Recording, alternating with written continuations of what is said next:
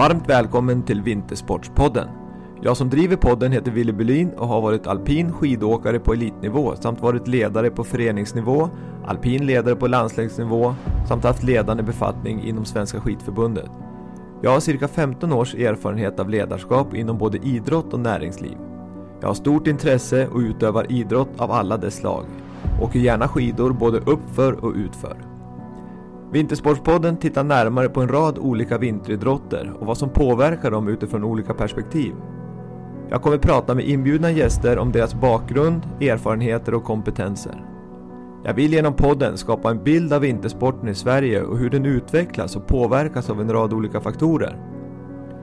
Podden vill ge dig som lyssnar, oavsett om du är förälder, aktiv, ledare i en förening eller en för idrotten så viktig supporter inblick i hur de olika idrotterna jobbar med allt ifrån barn och ungdomar till världselit och hur de jobbar för att fortsätta vara den folkkära rörelse som vinteridrott faktiskt är i Sverige. Dagens gäst är född och uppvuxen i Dalarna, närmare bestämt Mora, där han även idag lever tillsammans med sin familj. Han tillbringar många lediga stunder i sin sommarstuga i Orsa, där han numera är anläggningschef för Orsa Grönklitt-gruppen. På 90-talet flyttade han till Gävle för att jobba som materialförvaltare i Brynäs IF och vara en del av de framgångar de hade på slutet av 90-talet. Han var den som tog materialförvaltarrollen till en ny nivå där han utvecklade den till att faktiskt bli ett yrke. Efter åren i Brynäs flyttade han åter till sina rötter och skolade om sig till marknadschef för Mora IK. Hans insats där tog honom till Svenska skidförbundet som marknadschef. Hans stora engagemang och stora framgångar lockade Mora IK att rekrytera honom åter till klubben, denna gång som klubbdirektör. Men längtan efter skidsporten blev för stor. När frågan om att bli längdchef på Svenska skidförbundet kom kunde han inte motstå det. Under åren som längdchef har han varit stor del i den utveckling längdsporten har gått igenom. De ekonomiska förutsättningarna och de sportsliga resultaten under hans ledning på skidförbundet gick från en låg nivå till att vara en ledande nation globalt, både sportsligt och resursmässigt. Dagens gäst är en målmedveten, engagerad dalmas med svart bälte i relationsskapande och försäljning. Han har ett skratt som är enormt glädjespridande och energiberikande. Det är med glädje jag presenterar dagens gäst, Johan Sares, Varmt välkommen till Vintersportspodden Johan!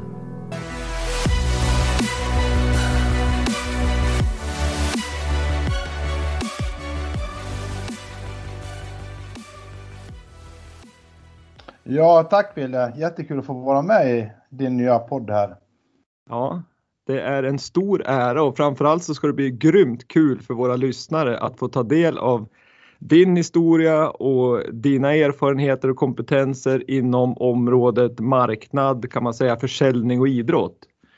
Eh, men jag tycker vi drar igång direkt Johan och jag är intresserad av att höra, vem är Johan Sares? Ja, vem jag är? Jag är 51 år och bor i Mora, född och uppvuxen här också.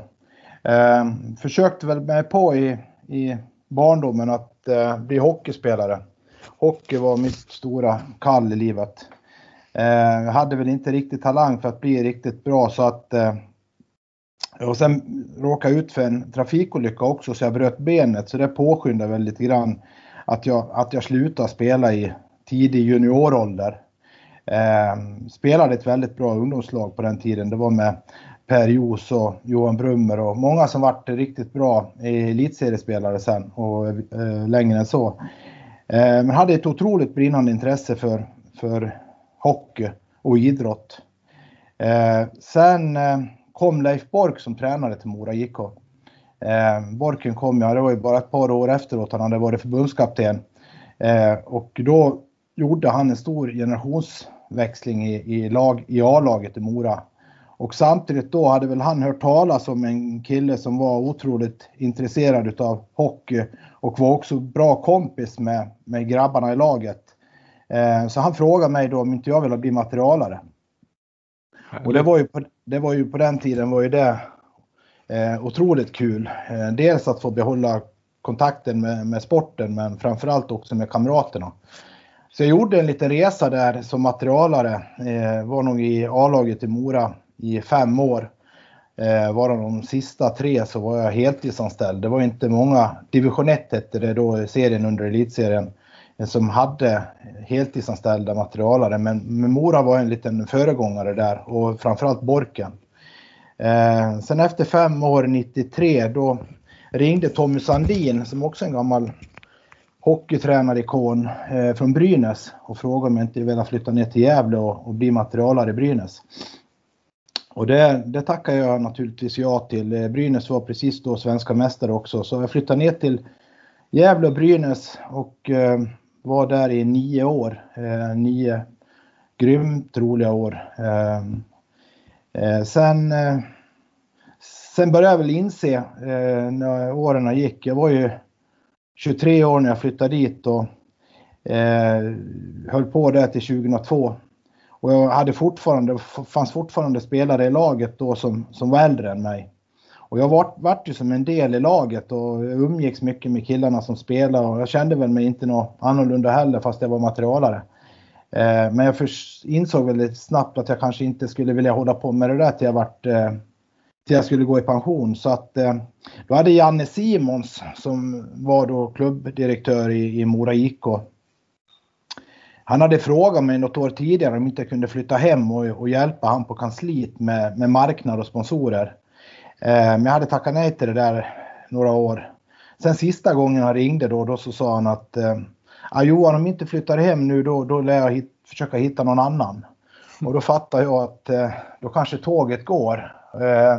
Både jag och min fru Marit trivdes väldigt bra i, i Gävle. Vi hade fått vår dotter Elvira också.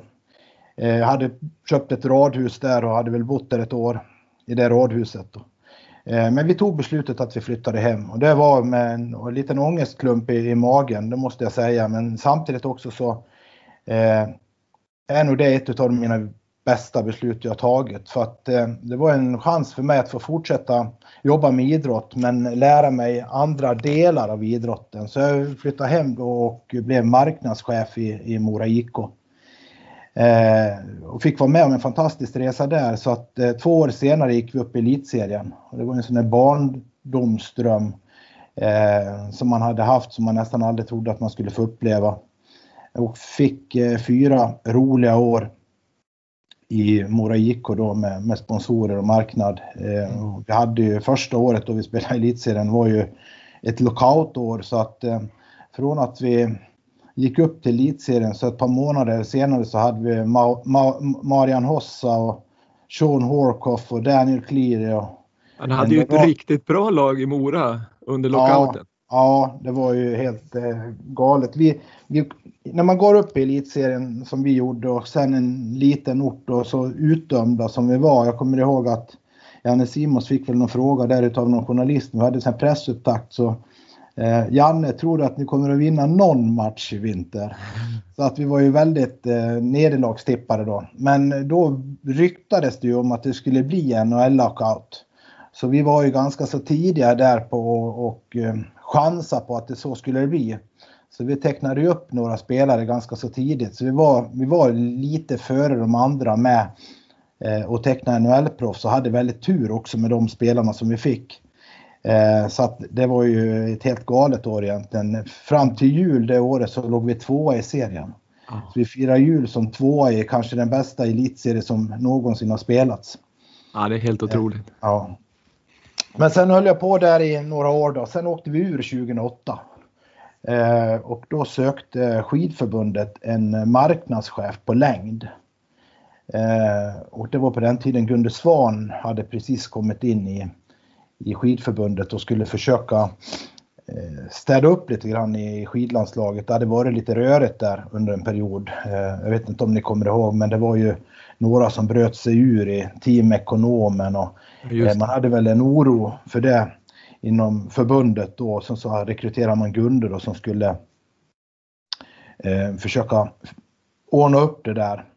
Och han insåg väl ganska snabbt att han behöver ha någon också som hjälper honom att skapa resurser och förutsättningar till att göra det, det han vill göra. Så att men, den men du Johan, på mig då.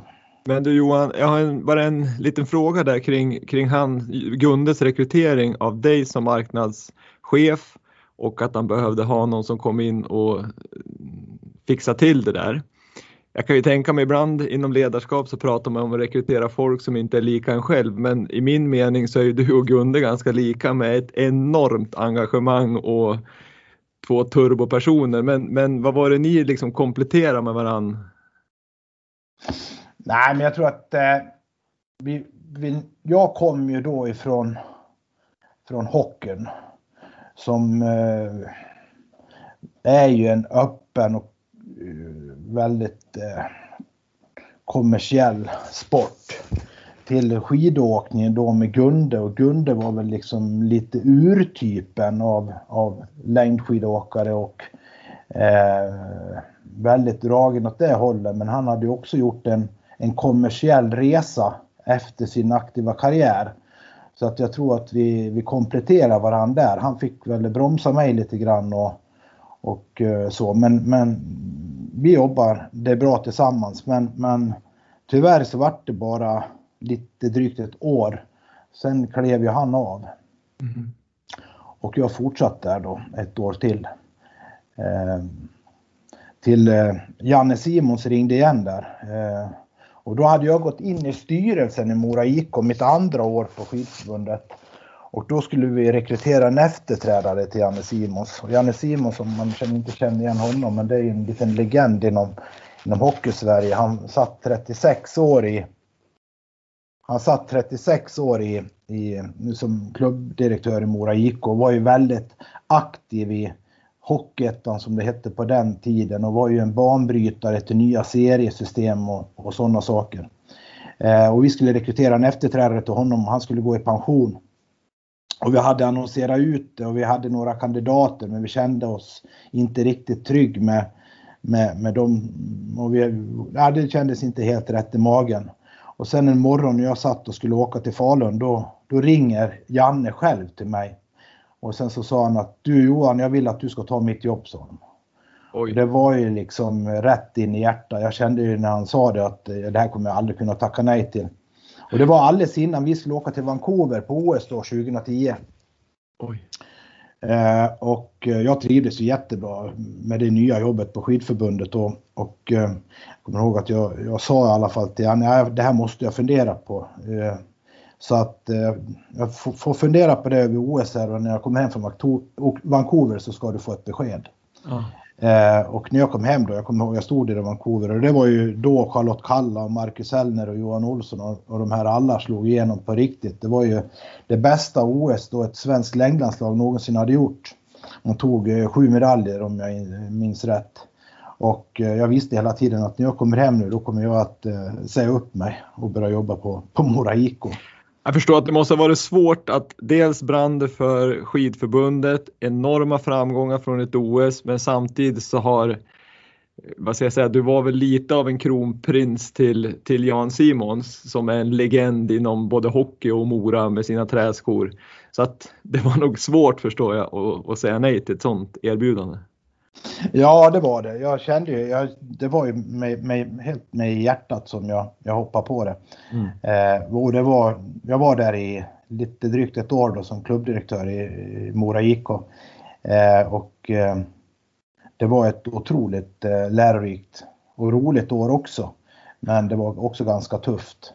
Men det var som lite dåliga odds jag hade med mig när jag, när jag kom från någonting som jag tyckte var väldigt roligt eh, till någonting som ja, jag kände att jag, jag inte var klar med. Så att eh, eh, jag tänkte där någonstans eh, att eh, får vi ihop eh, säsongen och får vi ihop ekonomin eh, i Mora så att jag med gott samvete skulle kunna liksom sluta och eh, återvända till skidförbundet.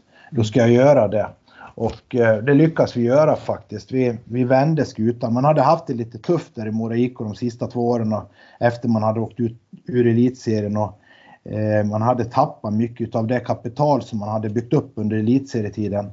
Så att mitt uppdrag egentligen det året det var att eh, vända eh, föreningen och anpassa sig efter de intäkterna eh, man har i, som allsvenskt lag. Eh, och, och det lyckades vi göra. Så vi gjorde faktiskt ett plusresultat det året på lite drygt 2 miljoner. Så det, Oj, det, imponerande. Ja, det gick riktigt bra. Men vi hade också lite tur. Vi, vi, vi gick och fick spela så många matcher man, man eh, kan göra. Så vi gick till kvalserien och det var första året man hade en sån här förkvalserie också. Så att, att vi fick maximalt antal matcher och det var, jag tror att vi slog Leksand fyra gånger och, den säsongen på raken och det, det är stort här uppe i Mora. Ja, jag förstår. Jag förstår. Eh, men, men, men när man hör på din resa där från Brynäs, du var ändå lite sådär att ska vi flytta från Brynäs, jag trivs som materialare, jag trivs i Gävle. Men när man lyssnar på din resa du har gjort ändå så tror jag inte att du ångrar någonting du har gjort. Nej, jag, jag kan ibland tänka så själv att jag tycker att jag har haft en väldigt, väldigt tur. Så att, eh, att på något vis så har jag tagit eh, rätt beslut när, mm. när man har kommit till, till svåra eh, vägskäl om man ska säga så. Mm. Men efter, efter, för sen när du gick från att vara klubbdirektör i Mora, då gick du tillbaka till skidförbundet. Gick du och bli, blev du längdchef då? Nej, nej då, var jag, då var jag marknadschef till att börja med. Så jag gick egentligen tillbaks till den roll som jag hade. Okay. Eh, när eh, Gunde slutade, eh, då rekryterade man en eh, ny längdchef som hette Hans-Erik Schultz. Mm. Eh, och eh, det var han jag sa upp mig till och det var också han som, höll jag på att säga, fick mig att, att gå tillbaka.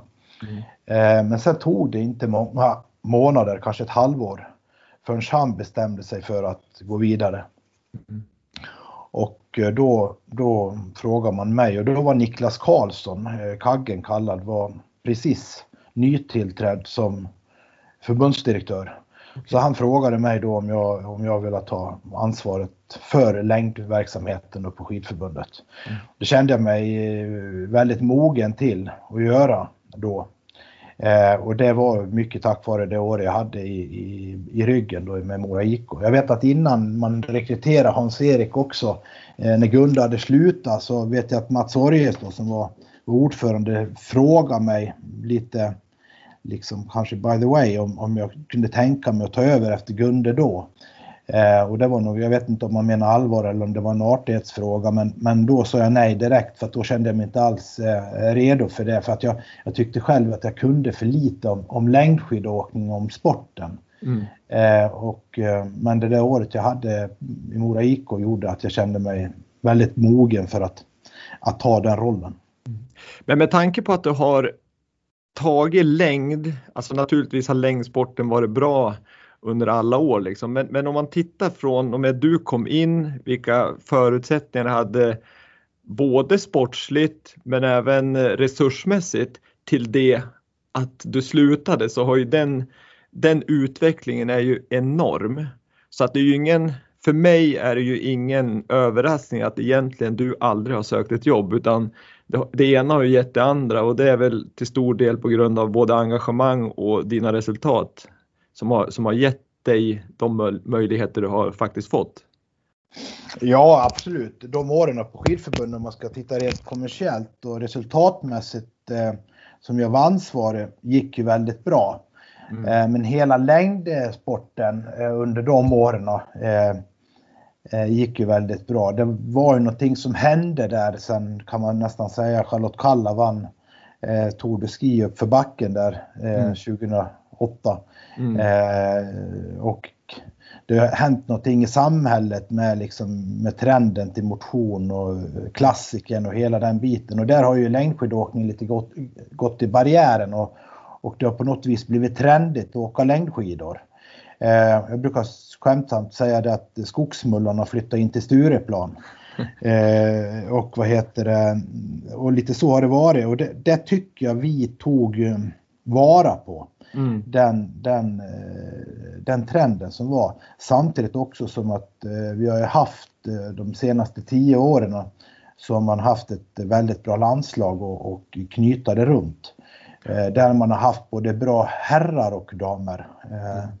Det har vi haft olika framgångsrika epoker tidigare inom längdskidåkningen i Sverige men det har, det har nog aldrig varit så att herrar och damer har varit så, så bra samtidigt som man har varit de här senaste tio åren. Jag menar, vi har ju till och med varit med i olympiska spel och vunnit stafetten, både, både herrarna och damerna samma olympiad, så det har ju varit helt galet. Ja, verkligen. Men eh, Johan Sares då, vad gör du idag? Idag jobbar jag som anläggningschef uppe i Orsa Grönklitt eh, och jobbar åt Grönklittsgruppen. Grönklittsgruppen är en av Sveriges snabbast växande turismföretag. Eh, vi har totalt 12 anläggningar i Sverige varav vi har en eh, ski och outdooranläggning och en eh, rovdjurspark uppe i Grönklitt. Och du har ansvar för både jag, ans jag, jag, jag, är ansvarig chef för de två, två anläggningarna som man har där då. Ja, vad kul. Ja. Men om jag säger så här då, hur är din relation idag till idrotten? Har du helt slutat eller har du någon kontakt med sporten? Nej, jag har ganska mycket kontakt ändå. Jag, jag, jag, jag gick in och sitter i styrelsen i IFK Mora skidklubb. Mm. Lite roligt att ha kontakt kvar med, med skidorna. Sen är jag ordförande i valberedningen i Mora IK. Eh, det är faktiskt tredje sessionen jag är med i valberedningen i, i Mora IK. Eh, och jag vill påstå att vi har en ganska aktiv eh, och seriös valberedning där vi, vi lägger ner ett väldigt mycket jobb på att träffa sponsorer, vi träffar eh, styrelseledamöter och vi är med på en del eh, styrelsemöten också. Ehm, sen är jag som senior advisor åt ett, ett företag som heter eh, ISP Sport Eh, som har en rad kommersiella, starka kommersiella rättigheter i Sverige, både bland klubbar och förbund. Mm. Eh, sen hjälper jag lite grann, men det är lite grann på att eh, känna sig för lite grann. Men, men jag har ju, när jag kom in på skidförbundet så eh, var Larry Porroma vallachef och jag och Larry eh, funkar väldigt bra ihop. Och sen har ju han en son som, som är duktig att åka skidor också, William. Mm. Så jag hjälper William lite grann som, som rådgivare också.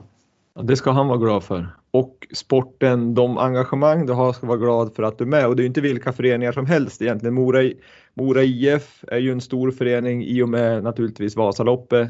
Ja. Mora IK har ju liksom stark tradition och, och, och så sen Porroma är ju en väldigt upcoming. Så det är ju härliga uppdrag du har. Men om man tänker om man går tillbaks lite grann till där det började så tänker jag liksom att du var materialare för Brynäs och du går till att bli marknadschef för Mora och så sen blir du längdchef för Svenska skidförbundet och anläggningschef för Orsa Grönklitt.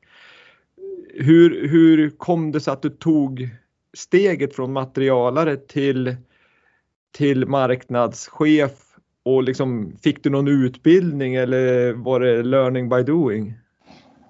Ja, det var nog lite learning by doing. Men eh, när jag jobbade som materialare i Brynäs såg inte eh, organisationerna runt lagen ut som de gör idag. Eh, vi var fyra, fem ledare som, som rådda eh, hela verksamheten runt A-laget på den tiden i Brynäs. Eh, sportchef, det hade vi inte. Eh, så vi fick ju göra väldigt mycket så att jag var ju ansvarig för eh, resor och bokning av resor och mat och alla sådana saker när vi var ute och, och for. Eh, och vi på Brynäs då, även för Brynäs är en väldigt traditionsstark och framgångsrik hockeyförening.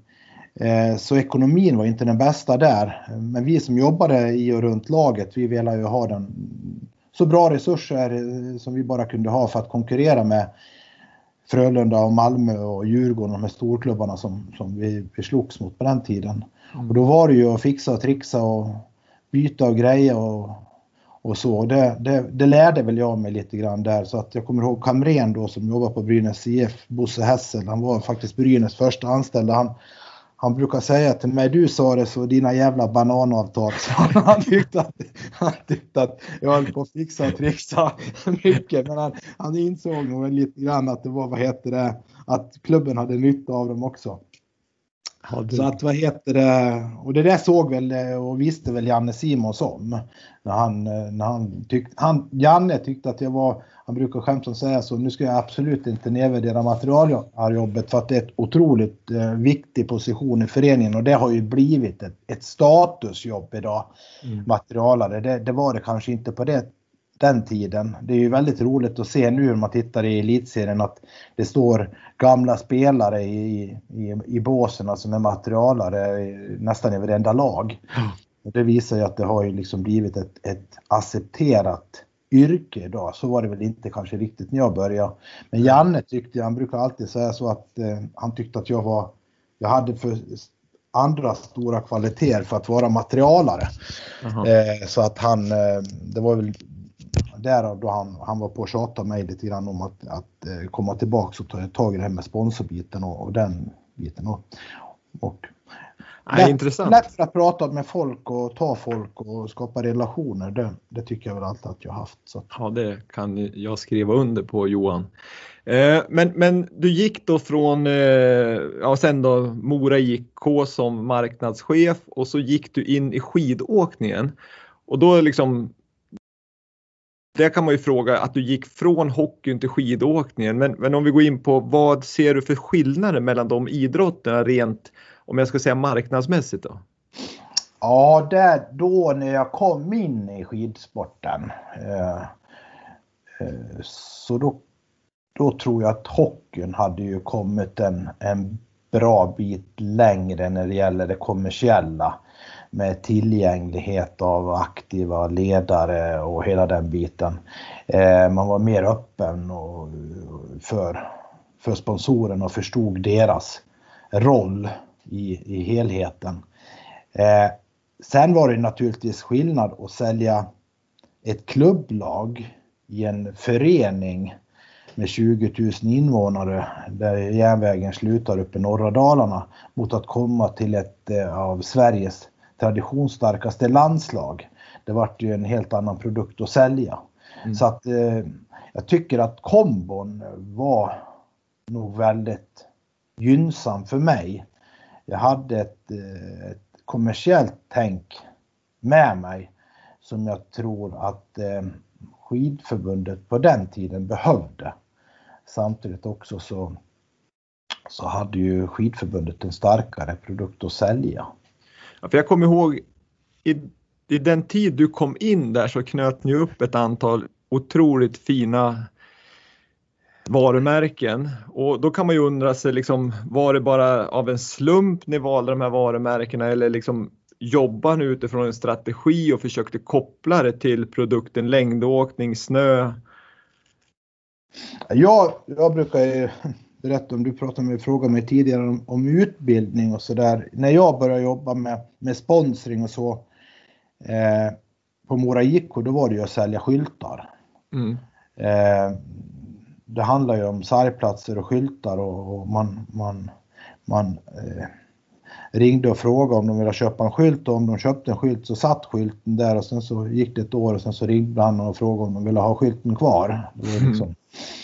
Eh, men eh, sen när vi gick upp i elitserien med, med Mora 2004 då insåg ju vi snabbt att eh, ska vi kunna vara med och konkurrera mot HV71 och Frölunda och Djurgården och de här lagen, då måste vi ta oss utanför 70-skyltarna och sälja reklam. Liksom, vi måste få pengar eh, från annat håll och, och, näringslivet i Mora skulle inte räcka till, även fast de eh, stötta allt vad de bara orkar så, så skulle inte de eh, räcka till ändå eh, för att vi skulle kunna vara i nivå.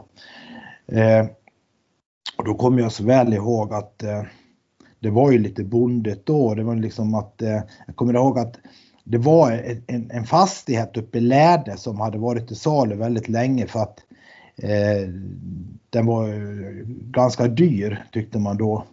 Och till slut så var det en kille från Djursholm som köpte den där fastigheten och sen så var det en kompis till mig som var där och renoverade åt han eh, för lika mycket. Så vi förstod väl att han var ganska likvid.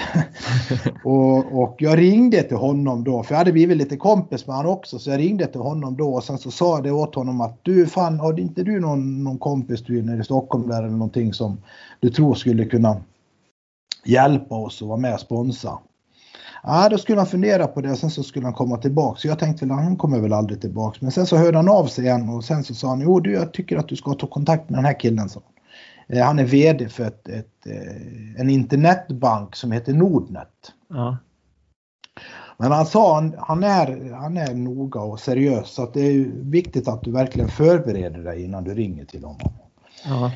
Men jag kunde inte vänta länge så det tog väl fem minuter så ringde jag ju till den här killen då. Och eh, hör och häpna så, så tyckte han att jag skulle komma ner till Bromma och träffa honom. Så jag åkte ner till Stockholm och träffade honom där på. Och eh, presentera Mora IK och så. Det kan jag väl säga, då den presentationen skulle jag väl inte vilja se en gång till för det var väl inte, var väl inte direkt toppklass på den. Men, men, men i alla fall då så, så vill han ha en offert på det här och Eh, jag kom hem och jag skrev ner då liksom hej och hå, eh, vad han skulle få. Han skulle få reklam där och en skylt där och lite sådär. Och sen så skickade jag, mejlade jag iväg det där och sen så krydda i så in i bombens när jag skulle ta betalt. Eh, det var dubbelt så mycket och det är ganska mycket pengar än idag kan jag tänka mig för en, en elitserieförening. Och då fick jag med vändande post så fick jag att vi tar vi tar två sådana där paket, för vi har två varumärken vi vill eh, profilera. Eh, och, eh, men det måste gå fort, skrev jag. Och jag dammade iväg avtalen och jag trodde att det var dolda kameran. Men i alla fall så när vi får tillbaka avtalen och påskriva planer, då får vi se i Dagens Industri så var det en helsida där det står att eh, Mora IK utmanar storklubbarna. Nordnet utmanar storbankerna. Ja, det är underbart. Då, då fattade jag att han hade en idé, han hade en tanke med det här. Han hittade ju en koppling att de, eh, de var Mora och SEB var Djurgården och Spar, eh, Swedbank var Frö, Förstår du vad jag menar? Ja, jag förstår, han, hittade en, han hittade en gemensam nämnare mellan oss och dem som han tyckte passa i deras eh, marknadskommunikation. Mm. Och det där gick upp ett ljus för mig så att då förstod jag, då började jag lära mig vad, vad, vad sponsring är för någonting. Vi måste ju liksom, om man ska kunna komma upp på en, på en högre nivå. Så att då började jag på att forska, vad, vilka har Telia som, som utmanare? Då på den tiden var det Glocalnet som, som kom som en uppstickare. Mm. Tog jag kontakt med Glocalnet och fick en tid där och sen så åkte ner och sen så drog jag samma story då för dem som eh, Nordnet hade kört med oss. Mm. Och då köpte de byxorna. Ja. Och sen så var det liksom vilka är konkurrerande till Mekonomen till exempel. Eh, då fick vi med AD bildelar på, på, på hjälmen och så där byggde vi upp så att när, innan, innan säsongen började och innan vi startade där då, då låg vi i nivå med HV71 och Frölunda i reklamintäkter. Och det var ju, vi hittade, vi hittade en modell för att komma utanför liksom att göra oss nationellt intressanta. Och det var ju att vi hittade en, en, en, gemensam nämnare med sponsoren och det där har följt med mig i hela, hela resan. Att, eh, jag, jag, tror att det är viktigt att, att ska man hitta en sponsor och få ett långvarigt samarbete, ett långsiktigt samarbete med en sponsor då är det otroligt viktigt att man hittar någonting man kan knyta an samarbete kring och inte bara ett eh, varumärke tillsammans med ett annat varumärke.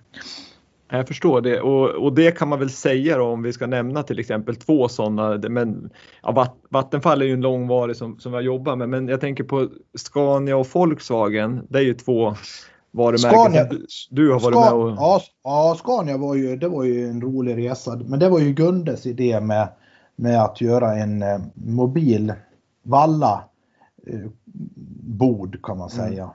Och han kom ju på då den här, det började ju faktiskt med att de tog eh, tester då med flårvallorna som har varit väldigt i, i ropet. Så började de ju testa våra vallare eh, och värden och sådana saker och vi insåg väl att det var inte hälsosamt att stå i de här containrarna och de här bordarna som var oventilerade. Och det var ju otroligt kreativt av Gunde att komma på det här med, med att man kunde bygga en mobil vallabord. Mm. Och då tänkte vi oss först en buss. Eh, så vi tog kontakt med Scania och, och, och, eh, fick, det var inte så svårt att komma till Scania när Gunde var med, det, det måste jag säga. Gunde var ju otroligt eh, banbrytare på det sättet. Alla chefer ville ju träffa Gunde. Mm. Eh, så att eh, vad heter det, vi, och sen drog vi den här idén och Scania nappade ju på den. Och de är ju sponsorer och stora sponsorer fortfarande till skidlandslaget. Och det är ju de kopplingen mellan, mellan Scania och längdskidåkning, det kan man ju naturligtvis bygga på uthållighet och styrka och de bitarna. Men just det här med lastbilen och att de eh, Eh, kan hjälpa till och bidra till en bättre miljö och en, en, en ja, för, för Valla-teamet, det är ju någonting som de verkligen har, har spunnit på och där har man ju hittat en gemensam nämnare som har varit väldigt lätt att kommunicera. Ja men precis och likadant är det väl lite grann om man tänker Audi på alpint och Volkswagen på längd, just det här med snö, fyrhjulsdrift och så vidare. Det var väl, kan jag tänka mig, ungefär samma liksom, tanke där. Eh, Volkswagen satsar ju då på det här Formotion. Ja. Och var ju starka på på fyrhjulsdriften och det var väl nästan där då de kunde konkurrera med, med Volvo om. Eh, det var att de hade, hade fyrhjulsdrift på många bilar och att de var och det var eh, kanske också att de var lite billigare än, än vad många andra fabrikörer var på, på fyrhjulsdrift och då, då hittar man ju den här matchen med fyrhjulsdrift på svenska vintervägar. Eh, och där har ju Volkswagen varit den sponsorn under de åren jag var på skidförbundet som i alla fall har varit överlägset mest aktiv och mm. kommunicerar det. Jag tror att man har gjort tio reklamfilmer eller nio reklamfilmer genom åren varje år och gjort kampanjer. Och de har ju också varit med och byggt varumärket Svenska längdlandslaget på ett fantastiskt sätt. Verkligen, det får man lov att säga. Eh, jag tänker på Dels så kan man ju säga så här att sponsring och idrott, det kan man ju, dels så kan vi prata relation från eh, längdchefens håll. Alltså, nu vet ju jag att du Johan har svart bälte i relationsskapande.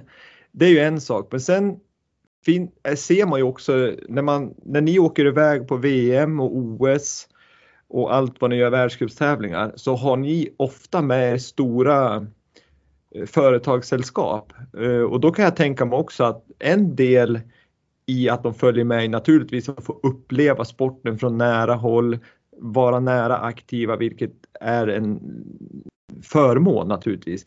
Men sen måste det också finnas en viss nätverkande inom mellan företagen som är med, alltså att de bygger relationer och skapar samarbeten.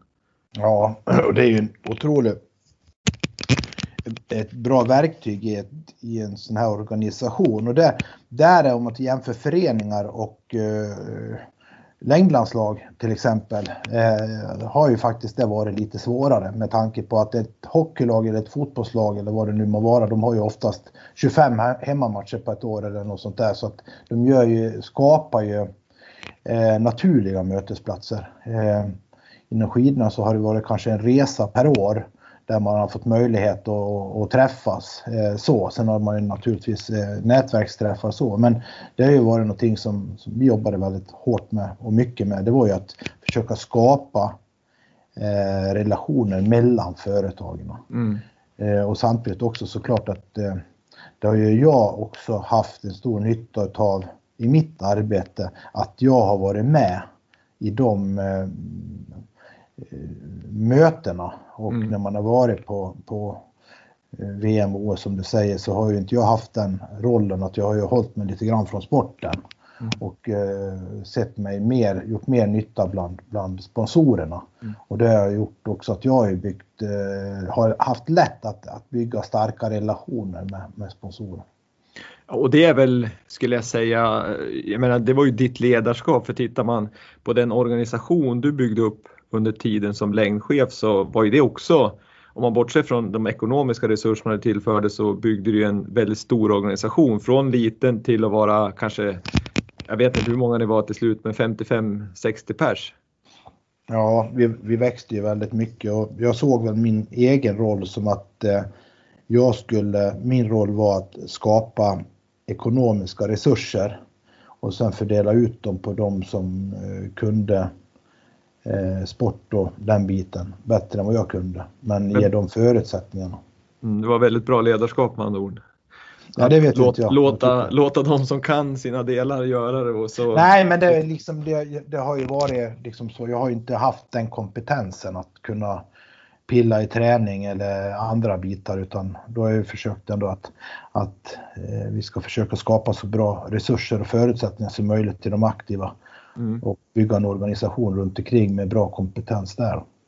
Men om man tänker så här då, att du har varit med i idrott i princip hela ditt liv då, förutom du spelar själv fram till du var 14-15 år, du blev påkörd av en bil, bröt benet och kom inte med. Eller kunde inte komma tillbaks i som Nej, jag hade, det var nog en, en påskyndning bara av, av att ja. jag skulle nog sluta ett par år efter det ändå. Ja. Men du har ju varit inom idrotten hela ditt yrkesliv kan man säga. Och vad skulle du säga, hur, hur liksom har utvecklingen varit över tid vad det gäller kommers kommersialiseringen? Ja, det, det har ju varit en, en enorm resa om man ska se det så.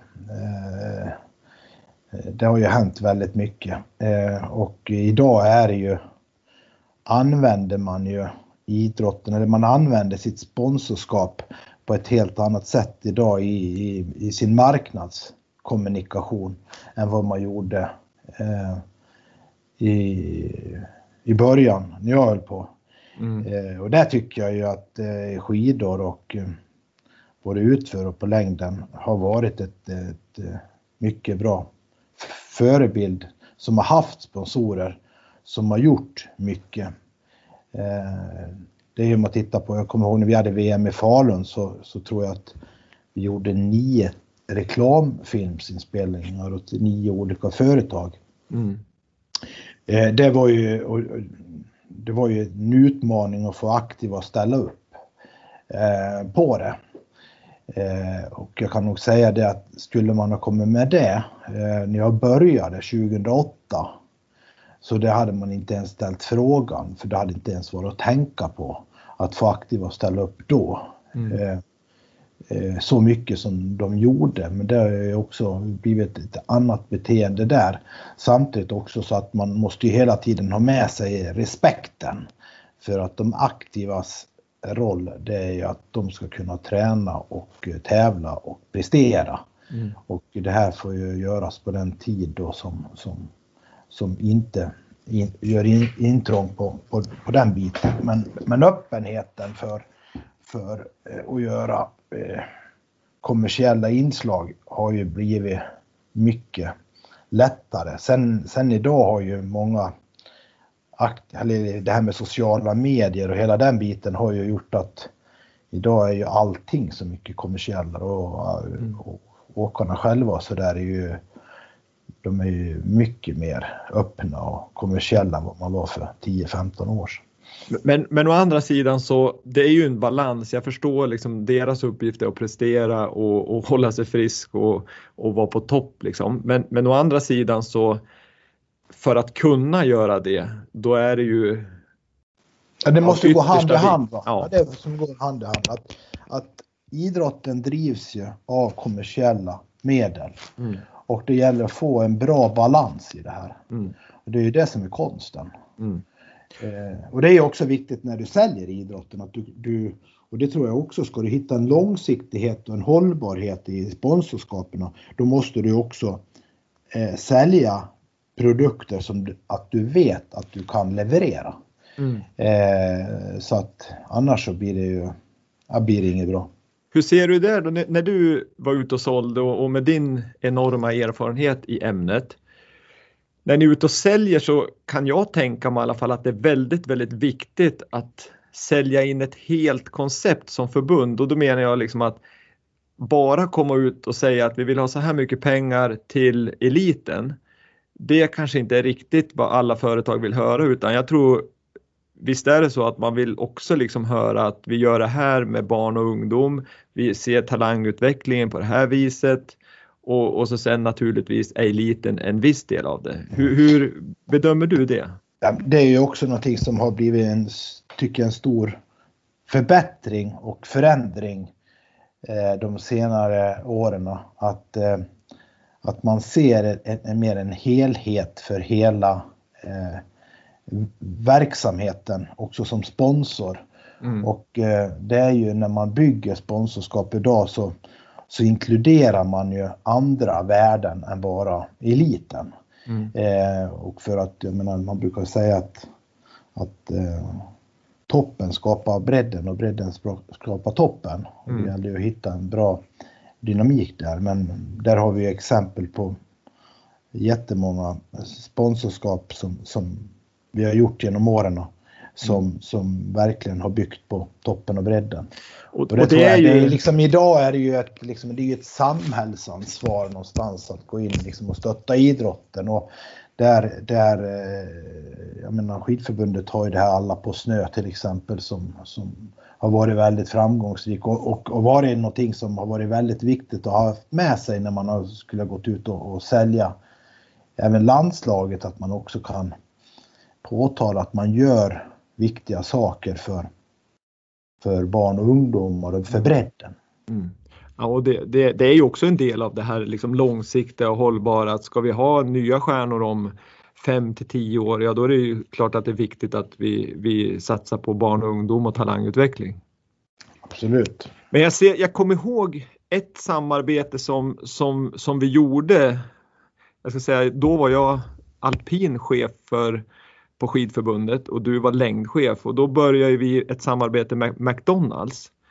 Och jag minns andra året där när längd kom in i det samarbetet att det blev ju inte riktigt uppskattat om man säger i gräsroten och ute i föreningarna. Ja, det var ju näst, ja, I gräsroten och föreningarna så blev det ju till slut uppskattat men, men det fick ju otroliga eh, reaktioner på, hos många. Eh, det, jag har haft två, två man, idrotten berör, det märker man sådana gånger. Och, eh, jag kommer ihåg, det var ju Nipa Alpint då som, som gjorde ett samarbete med McDonalds. Eh, och eh, min tanke då var ju att eh, längdskidåkningarna, längdskidåkningens tillväxt eh, Eh, som jag berättat tidigare att, att eh, det var trendigt att åka längdskidåkning och det var liksom eh, Vasaloppet och hela den här biten.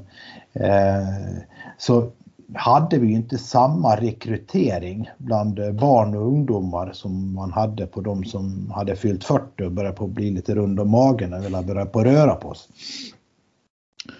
Och där var ju bland ungdomar och barn var ju kanske längdskidåkningen fortfarande lite mossig och lite tråkig. Och tanken från min sida där det var ju att försöka hitta varumärken som skulle kunna attrahera och göra längdskidsporten lite fränare eh, hos en yngre målgrupp. Eh, och då tog ju jag också kontakt med McDonalds eh, efter att alpint hade haft ett år. Och eh, vi fick ju till det där och fick ett avtal med McDonalds också. Och jag, ja, jag trodde väl där att eh, det här kommer ju liksom att gynna sporten som helhet.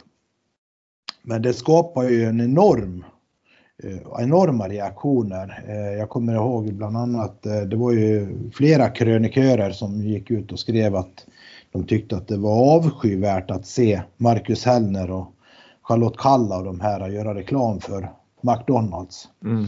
Och eh, eh, jag kommer till och med ihåg att Niklas Wikegård, hockeyexperten, han, han gick ut och totalsåga ja, skidåkningen.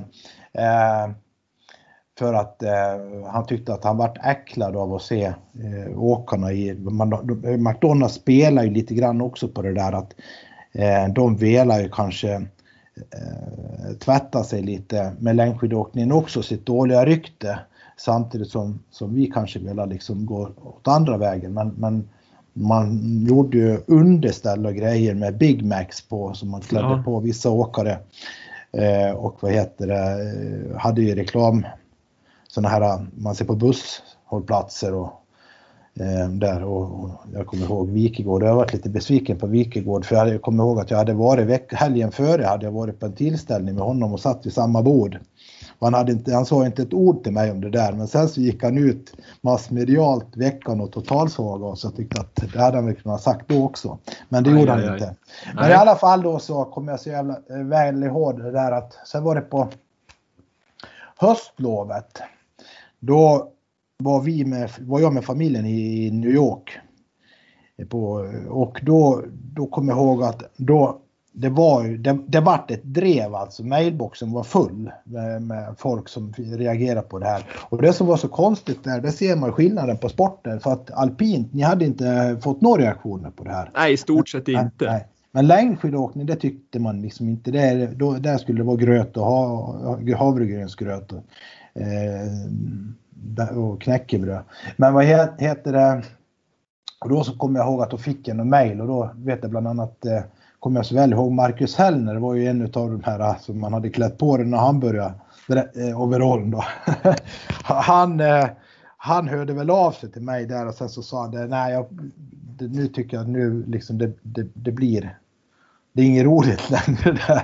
Alla, alla kommentarer och hit och dit och där har du också sociala medier har ju sin roll där och så där. Så att då vet jag att jag tog kontakt med han som var marknadsdirektör på eh, McDonalds som hette Jeff Jacket. Han känner du också igen väl Wille.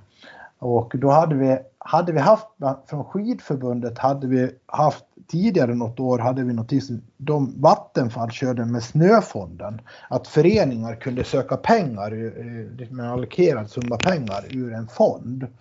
Eh, som skidföreningar och anläggningar kunde söka för att, eh, till att göra skillnad ute i föreningarna. Och samtidigt också så kommer jag ihåg att jag hade en, en sponsorgrej med Mora IK där eh, man hade Mora IK-målet på McDonalds här i Mora och att 5 kronor av målet, man la på 5 kronor eller 4 kronor eller vad det var på ett mål då. Eh, och de pengarna gick då som ett stöttning till, till Mora IK. Så jag tog kontakt med honom där och sen så sa jag så att vi måste ju göra någonting. Att eh, det, vi måste försöka få ut någonting positivt av det här nu. Och så, så drog jag, skulle man kunna göra någon liksom snöfond eller liksom det här hockeymålet eller skidmålet eller hela den biten. Och eh, han tyckte ju de, eh, idén var bra och det slutade med att vi, du och jag då ville också eh, tillsammans där, vet jag hade något möte och sen så kom man ju på det här skidlyftet tror jag de kallade det för. Mm. Ja, och då hade de ju olika mål eh, som var kopplade. Och... Ja, Mackmyrer och ja, Chicken Hansdotter eller? Chicken Hansdotter och McKellner och ja. lite sånt där va. Och, och pengar gick då till en pott som sen föreningar kunde söka pengar ur. Och det blev bra eh, med pengar i den? Ja, det vart ju, det vart ju sjusiffriga belopp. Ja. Och du kunde söka upp till 50 000 från, från, var, från varje förening. Så jag kommer faktiskt ihåg att det där sponsringsgrejen, eh, det de gjorde, den aktiveringen. Sen är ju, var ju McDonalds starka liksom kommersiellt och det är ju mycket folk som passerar McDonalds restaurangerna varje dag och de blåste ju upp hela restaurangerna med det här eh, skidlyftet så att de fick, vi fick ut det på ett väldigt bra sätt. Så jag vet att det vann ju ett sånt här pris på en sån här sponsorgala som årets sponsor mm. eh, grej liksom. Så det var ju kul. Så det, ja, det, det rann ut och vart någonting positivt eh, som hade startat säsongen med någonting som var väldigt negativt. Men, men där är väl ett bevis på liksom just det här med att, att det var inte bara pengar till eliten utan det, det, det var ju otroligt gynnsamt för alla föreningar för att kunna bredda sin verksamhet eller kunna sätta lite touch på, på anläggningen där man verkade eller vad nu man använder pengarna till. Så jag tror att där ser man ju liksom värdet av att jobba brett. Absolut, och du vet hur många, jag kommer ihåg det var ju hundratals ansökningar mm. Eh, på det här. Ja, det, det gjorde verkligen skillnad där ute. Så det var ju en jätterolig grej. Ja, men du Johan, skulle du eller har du någon, det är svårt att säga liksom rakt ut konkreta tips, men om man skulle säga något liksom tips till en förening som jobbar ideellt och som sliter för att få ihop sin ekonomi i, i en liten by eller en liten stad i, i Sverige. Har du något liksom tips som, som de skulle kunna tänka på när de jobbar med, med, med intäkter och sponsringsarbete? För mig är idrott hjärta och engagemang och det har alltid varit det. Och även fast du jobbar i, i en förening eller du jobbar för ett landslag eller vad du gör så, så ringer aldrig någon eh, till dig och ber att få sponsra. Mm. Eh, utan du måste, du måste vara aktiv själv. Eh, mm. Jag vet att det var jag, under de åren jag var på skidlandslaget så vet jag att det var ett företag som, som hörde av sig själva och ville sponsra. Resten fick vi söka upp själva. Mm. Eh, och det, det gäller även här. Och jag, man tittar på eh, sponsring och det är inte det är ju även mycket kopplat till, till starka rättigheter som elitserielag och allsvenska fotbollslag och även landslag och även till föreningar. Det handlar ju väldigt mycket om ett samhällsansvar. Mm. Eh, det handlar också om väldigt mycket om ett, eh, ett eget engagemang från kanske företagsledningen eller ägaren eller vad det nu kan vara. Det är liksom en, att visa någon form av uppskattning kanske många gånger mot personal eller visa liksom en stolthet mot kunder. Mm. Eh, och jag, jag, tror att man liksom eh, det handlar väldigt mycket om att vara aktiv och jobba, jobba hårt eller våga ta kontakt med företag och mm. försöka sälja. Eh, driva försäljning mer. Jag tror att vi många gånger kan, eh, kan faktiskt vara lite bekväm och ja. tycka att eh, ja, men vi ska, vad heter det, vi skulle haft lite sponsorer och vi skulle ha gjort det och vi skulle göra det. Men jag tror att det är många som är lite för, jag ska inte säga att man är bekväm, men man, det finns någon form av också inre spärr att man tycker att det är jobbigt att att ringa och fråga om sponsring. Ja. Eh, och den, den, den spärren måste vi liksom slå oss igenom och våga kontakta för att eh, det vet jag själv där jag sitter idag. Vi är ju med och sponsrar lite föreningar och även förbund och, och lite så.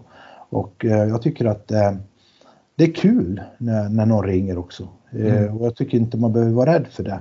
Men jag tror att man måste driva försäljningen mer och aktivt eh, mer. Och det, jag sitter ju själv i, i styrelsen i IFK Mora skidklubb och jag märker ju där att där hade vi också kunnat vara mycket mer aktiv.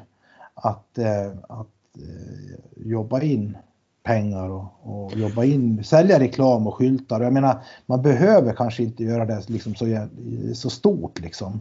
Utan eh, många gånger i, i föreningslivet så, jag menar, en, en, det kanske låter ålderdomligt men, men en skylt där, är, liksom, det är ju någonstans på något vis ett, ett bevis på att man är med och stöttar och man är med och, och liksom, Ta samhällsansvaret. Ja, ta samhällsansvaret och, och din personal ser skylten och eh, din kund kanske också ser skylten och ja, men så vidare. Så att det är att bygga en stolthet kring, kring ditt varumärke. För att det är få rättigheter, sponsorrättigheter, tror jag som man, man, man når eh, nationellt stort. Och då måste man in på de här eh, landslagen, evenemangen som, som, som har mycket tv-tittare och sådana saker för att, att kunna synas.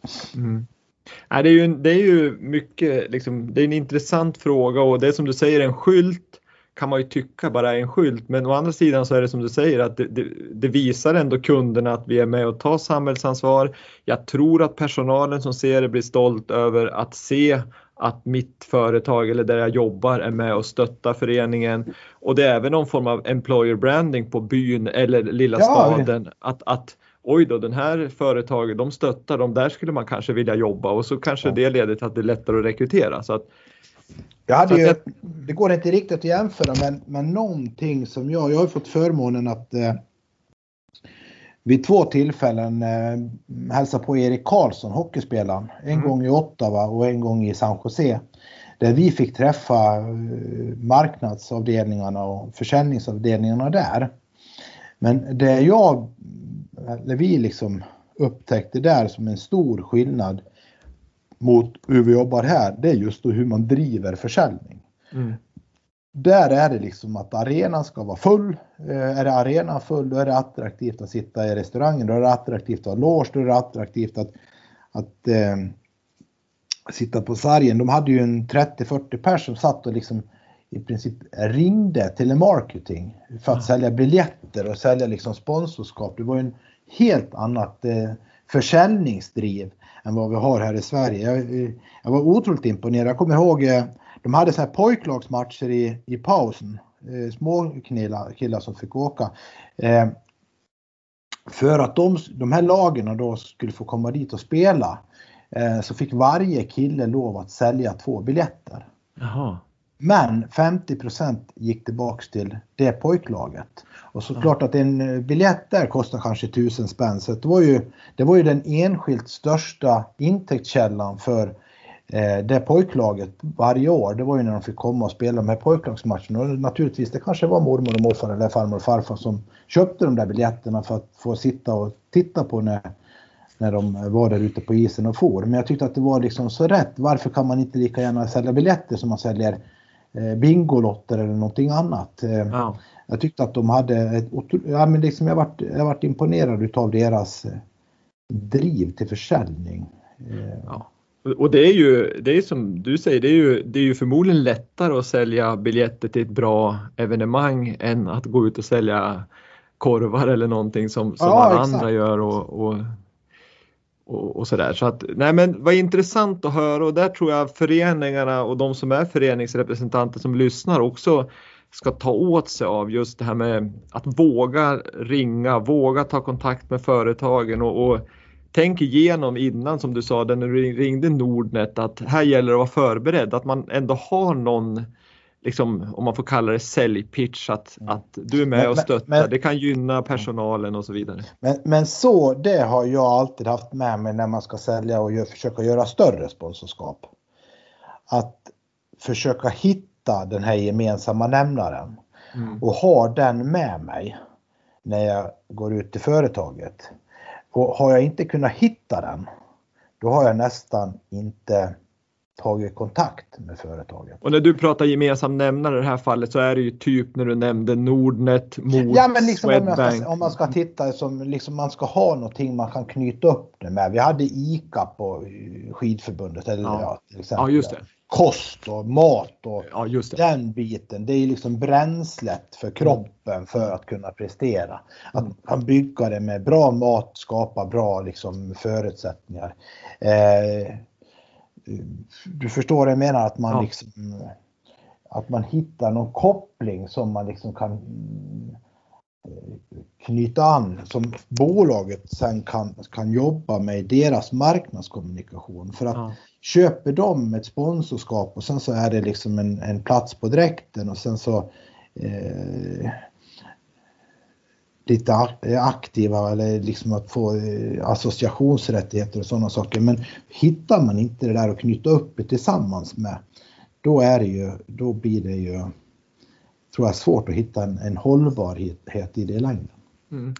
Men Johan, nu har vi pratat mycket om eh, lag, förbund, eh, den verksamheten. Men sen vet jag någonting som jag är intresserad av att prata om en liten sväng. Det är ju också om man säger eh, varumärkesbyggande eller individen som sådan. Och jag vet ju att du har jobbat och bevisligen jobbar med Porroma men, men nu vet jag att du också har jobbat med till exempel Stina Nilsson och Marcus Hellner som, som om man säger agent till dem.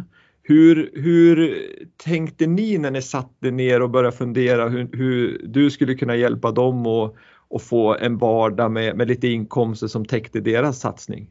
Mm. Marcus har jag ju uh, hjälpt sen han, efter Vancouver sen 2010, sen han tog två guld där. Och det var precis i samma veva som jag slutade på skidförbundet också.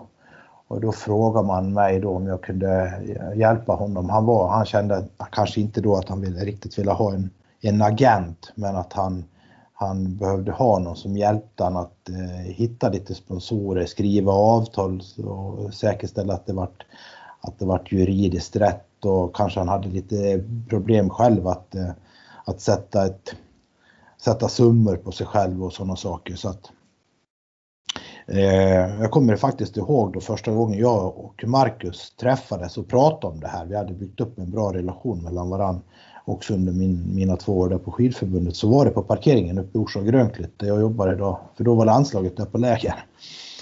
Eh, och eh, sen har ju det blivit, det skapat en, en, en, livslång vänskap vi två tillsammans. Och vi har ju, eh, men jag kommer ihåg då att, eh, att vi satte oss ner och sen så tittade vi på lite olika varumärken. Eh, och eh, han fick själv eh, titta ut, vill, vad är det som han passar? Vad känner han för att han kan stå för? Eh, vad, vad, kan, vi kan, vad kan han knyta en gemensam nämnare kring? Eh, vad, vad, vad, känner han sig liksom, vad skulle han vara stolt för att vara ambassadör för?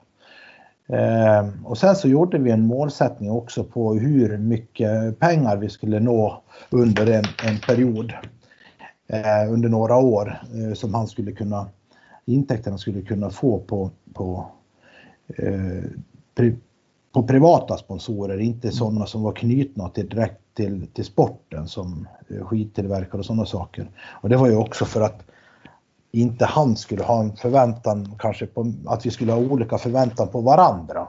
Mm. Och sen då så, så kontaktade jag de här företagen som, som eh, Marcus själv hade eh, varit med och pitchat fram. Mm. Och sen så på så vis då så byggde vi upp en, en sponsorpool eh, kring honom. Eh, och vi nådde de ekonomiska målen ganska så snabbt. Eh, och Marcus eh, är ju också och var ju även då en, en väldigt liksom öppen och tillmötesgående individ som, som kände sig bekväm i att och tyckte nog att det var ganska roligt också att, att jobba med, med mm. sponsorerna.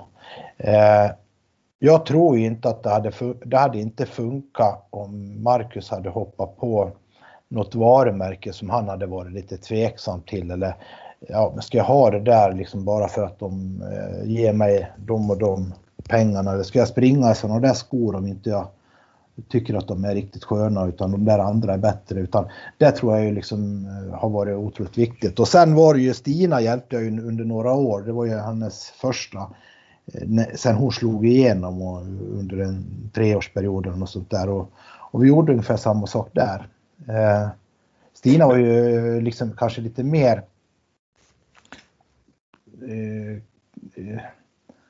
mer eh, behövde liksom tid för att smälta in och liksom komma in i det här eh, kommersiella, vara ute och så. Så att där fick man kanske ta det lite lugnare. Mm. Men hon har ju växt in i det idag och när man tittar på hennes liksom flöden och sådana saker så är hon har blivit otroligt öppen och kommersiell. Ja, verkligen. Men det, det, jag kan ju tänka mig då liksom att, att en idrottare som Marcus Hellner som slog igenom, gjorde jättefint OS i Vancouver och så sen börjar det här arbetet med, med sponsorer och det ramlar in företag efter företag och den ena kräver mer än den andra. Och hitta balansen mellan att mm. fortsätta kunna träna i lugn och ro, hålla sig mm. frisk men man ska samtidigt vara ute och bygga relationer med de som man är ambassadör för. Mm. Det, det, där vart ju jag ett litet, en litet mellanlägg för honom då om man ska säga som att jag, jag eh, han behövde inte ta Eh, de här kanske jobbiga samtalen om någon ville göra för mycket och, och, och, så utan att jag kunde liksom göra en avvägning och det var väl lika med, med Stina också. Eh, men jag tror ju att eh, det, det, är otroligt viktigt att man hittar den här det här samspelet. Mm. Och det är ju, hade jag ju också liksom med mig hela tiden på, när man jobbar med, med, med skidlandslaget att det får inte bli för mycket. Nu ser jag, nu kan jag nog, då, på den tiden när jag och Marcus började jobba i lag, då var det ju inte de här sociala medierna hade ju inte riktigt kommit igång. Nu kan jag tänka mig att nu, nu finns det ju eh, kanske större risker att, att det kan bli för mycket. Mm. Och att eh, kraven kan, kan bli för, för tuffa på många individer som kanske har svårt att, att eh, stå på sig och, och liksom göra de här avvägningarna. Men där är det också viktigt, och precis som vi har pratat om tidigare, för att få en hållbar utveckling så måste ju företagen vara med både på barn och ungdom upp till elit och likadant är det ju här kan jag tänka mig då när man går in i Marcus Hellners varumärke att ha den här balansen mellan hur mycket ska vi nyttja honom, han måste ju ändå träna för det gynnas ju både av att, mm. att han fortsätter prestera. Ja. Ja, men det är intressant att höra Johan om, om hela din idrottsbakgrund, över din fantastiska kompetens vad det gäller marknad, försäljning, kommunikation och relationsskapande. Vi ska ta avsluta den här podden lite grann med att nu, numera säger du anläggningschef på Orsa Grönklitt. Och det är ju liksom, ja det är fortfarande, vad ska jag säga, idrott, motion, men det är ändå inom näringslivet om man säger. Kan du se någon skillnad som du har märkt nu mellan att sälja in konceptet idrott, vinteridrott eller konceptet näringsliv eller vad ska jag säga inom, inom det skrået? Där jag jobbar ju om man ska säga som Orsa Grönklitt idag är ju en, är en fantastisk anläggning som, som har haft också en enorm resa. Eh, och vi är ju väldigt stora på framförallt eh, längdskidåkning. Eh, jag skulle nog, ja, vi, är, vi är nog den största destinationen i Sverige på längdskidåkning. Eh, och där tror jag ju att eh, utmaningen med, med, för oss är det att vi, vi, vi måste ju tjäna pengar på, mm. på, och då är det ju, det kan man göra om man skapar en bra produkt och har en bra produkt. Eh, så att det är ju att bygga en bra produkt och sen som vi sen också kan, kan ta betalt för. Ehm, så det är liksom samma sak ungefär som man, man bygger ett, ett, eh, landslag eller om man blir landslagsåkare eller om det är Marcus att, att bygger man en bra produkt eh, så kan man också ta betalt för den. Mm. Eh, sen är det ju samma sak där som, som jag menar med andra. Det är ju, finns ju ett enormt eh, eh flöden i medier och sociala medier och det gäller ju att vi är med där och, och syns och, och, och skapar en, en attraktiv anläggning. Mm. Och det är, jag skulle nog säga så här när jag lyssnar på dig och när jag har pratat med andra, det är att likheten mellan näringslivet och idrotten det är att man aldrig kan leva på gamla meriter. Det är, färskvara, det, är som... det, är färskvara hela tiden. Och mm. det, men det som är så roligt att jobba på en, på en skidanläggning och en, en, eh, en, en, en, en turistdestination, det är ju att vi får jobba med människor och eh, människor som kommer till oss ska vi göra glada. Mm. Eh, och det, det, ska vi kunna göra dem glada så måste vi ha ett stort, en stor hängivenhet och stort engagemang. Mm. Eh, och det, det är en ynnest att få jobba med, med människor som har, har det drivet. Så jag att, eh, det, det, det, det tycker jag är otroligt kul. Ja, det är härligt, det är härligt. Nu är det så här att nu har jag två frågor kvar till dig Johan och den ena det är en eh, titt Eh, tittarfråga tänkte jag säga, lyssnarfråga som har kommit in och den andra är en fråga som jag ska ställa till alla gäster. Sen får man ju svara utifrån sitt perspektiv då. Men den, den eh, lyssnarfråga som har kommit in det är ju med tanke på din bakgrund och dina erfarenheter och allt du har varit med om så är det ju en herre som skulle vilja höra eh, vilket är ditt roligaste idrottsminne som du har upplevt live?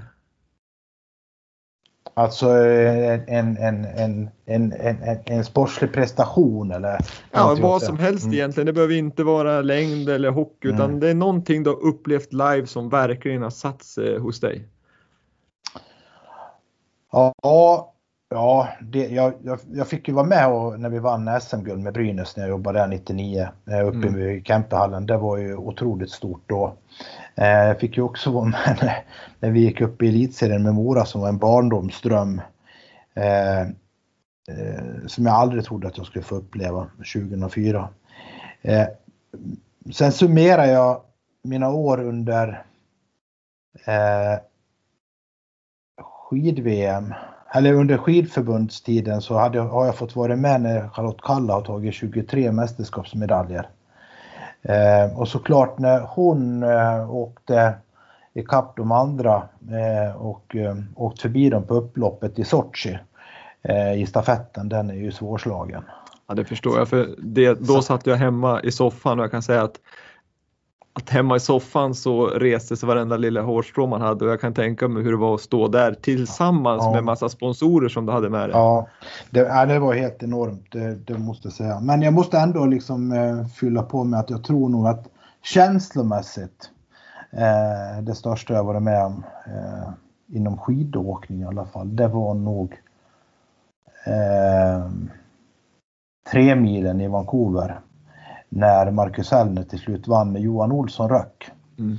Eh, och eh, Marcus och Anders Södergren försökte hålla igen klungan bakom. Men när de såg att de inte eh, lyckades göra det då, då och kom ikapp kapp Johan och, och Marcus eh, vann där. Det, det var nog i och med att jag haft så mycket med Marcus att göra genom, genom mm. åren så, så, så, måste jag säga att det var nog det största inom skidförbundet. Men, men Brynäs och Mora IK, då är det i, i nivå med det. Men sen just det där med Johan och, och Marcus minns jag också, just Johans glädje Johans att komma fem, i mål. Fem, ja, men Johans femmil i Val var ju också enorm. Ja. Jag, jag, minns just att Johan, när han kommer i mål, kramar om Marcus som vinner och man är glad för att man in, även fast han inte vann. Och det är lite likadant som när Gunde där blev slagen av Mogren. Eh, då blev också Gunde väldigt glad fast han undrade, var ju då, då han la av by the way, att han ja. kände liksom att hur kan jag bli glad av att bli slagen av någon. Men det var väl just att Mogren hade kämpat så mycket. Nej men vad roligt Johan att höra dina idrottsminnen. En sista fråga som, som jag vill ta det är just att utifrån ditt perspektiv och det kan egentligen, du kan ju svara utifrån ett marknadsperspektiv också. Men det är att skulle du kunna dela med dig av en framgångsfaktor för att lyckas inom vinteridrott? Och det kan egentligen, du kan säga att du kan lyckas som en förening eller förbund med att dra in mycket pengar eller det kan mm. vara... Men, men ja, jag fattar hur du tänker. Men det behöver ju egentligen inte vara associerat till, till vintern utan det kan ju Nej. vara en idrott överhuvudtaget. Ja. Någonting som eh, jag eh, skulle vilja i sådana fall kanske dela med mig lite grann av från eh, eh mina år inom inom skidförbundets verksamhet. Eh, det var när jag började på skidförbundet 2008. Jag hade ju inte i princip sett en, en längdskidtävling. Mer än Vasaloppet då, som, i och med att jag bodde i Mora. Så jag var ju, eh, och då var det världscuppremiär det året uppe i Gällivare. Och då var det på lördagen så var det 10 kilometer fritt damer och 15 kilometer fritt herrar. Och då vann Charlotte Kalla sin första världscuptävling först på förmiddagen. Och sen ett par timmar senare så vann Marcus Hellner sin första världscuptävling eh, på 15 kilometer fritt. Och eh, det var ju otroligt stort. Charlotte Kalla eh, hade gått på skidgymnasium i Gällivare, uppväxt en bit därifrån, i Tärendö. Marcus Hellner har gått också skidgymnasium i Gällivare och bodde där i bygden. Och bägge två vinner sina första världscupsegrar mm. eh, där uppe. Det var ju otroligt stort. Och då kommer jag ihåg att vi också hade haft, vi hade sponsorerna med oss där uppe. Och eh, vi var ju otroligt glada så att vi, jag hade bokat bord då på, på kvällen på Fjällnäs tror jag det hette uppe i Gällivare. Det var ju som en eh, fin hotellherrgård lite grann som man hade byggt. Och där skulle vi också äta middag då tillsammans med laget. Och jag kommer ihåg då när laget kom in i de här folkvagnsbussarna. Och jag skrek åt sponsorerna, vi ut på, på trappen där och skulle ta emot dem. Då när de kliver ut de här tio åkarna, då kommer jag ihåg att då fick jag en uppenbarelse. Då, då insåg jag att det var ju två stycken som hade vunnit och åtta stycken som hade förlorat. Och det, det, det såg man på dem också. så att det var ju liksom så att man fick liksom på något vis eh, ja, liksom dämpa glädjen lite grann för att man inte velat liksom eh, ja, irritera dem kanske som hade förlorat. Mm. Eh, jag kommer ihåg då också någon vecka innan hade vi haft lagfotografering uppe i Bruksvallarna. Och då stod ju hela vallagänget och fysio och läkare där på, på plan och sen så, så skulle man ta lagfoto 10-15 meter därifrån och, då, och på lagfoto var det Gunde och tränarna.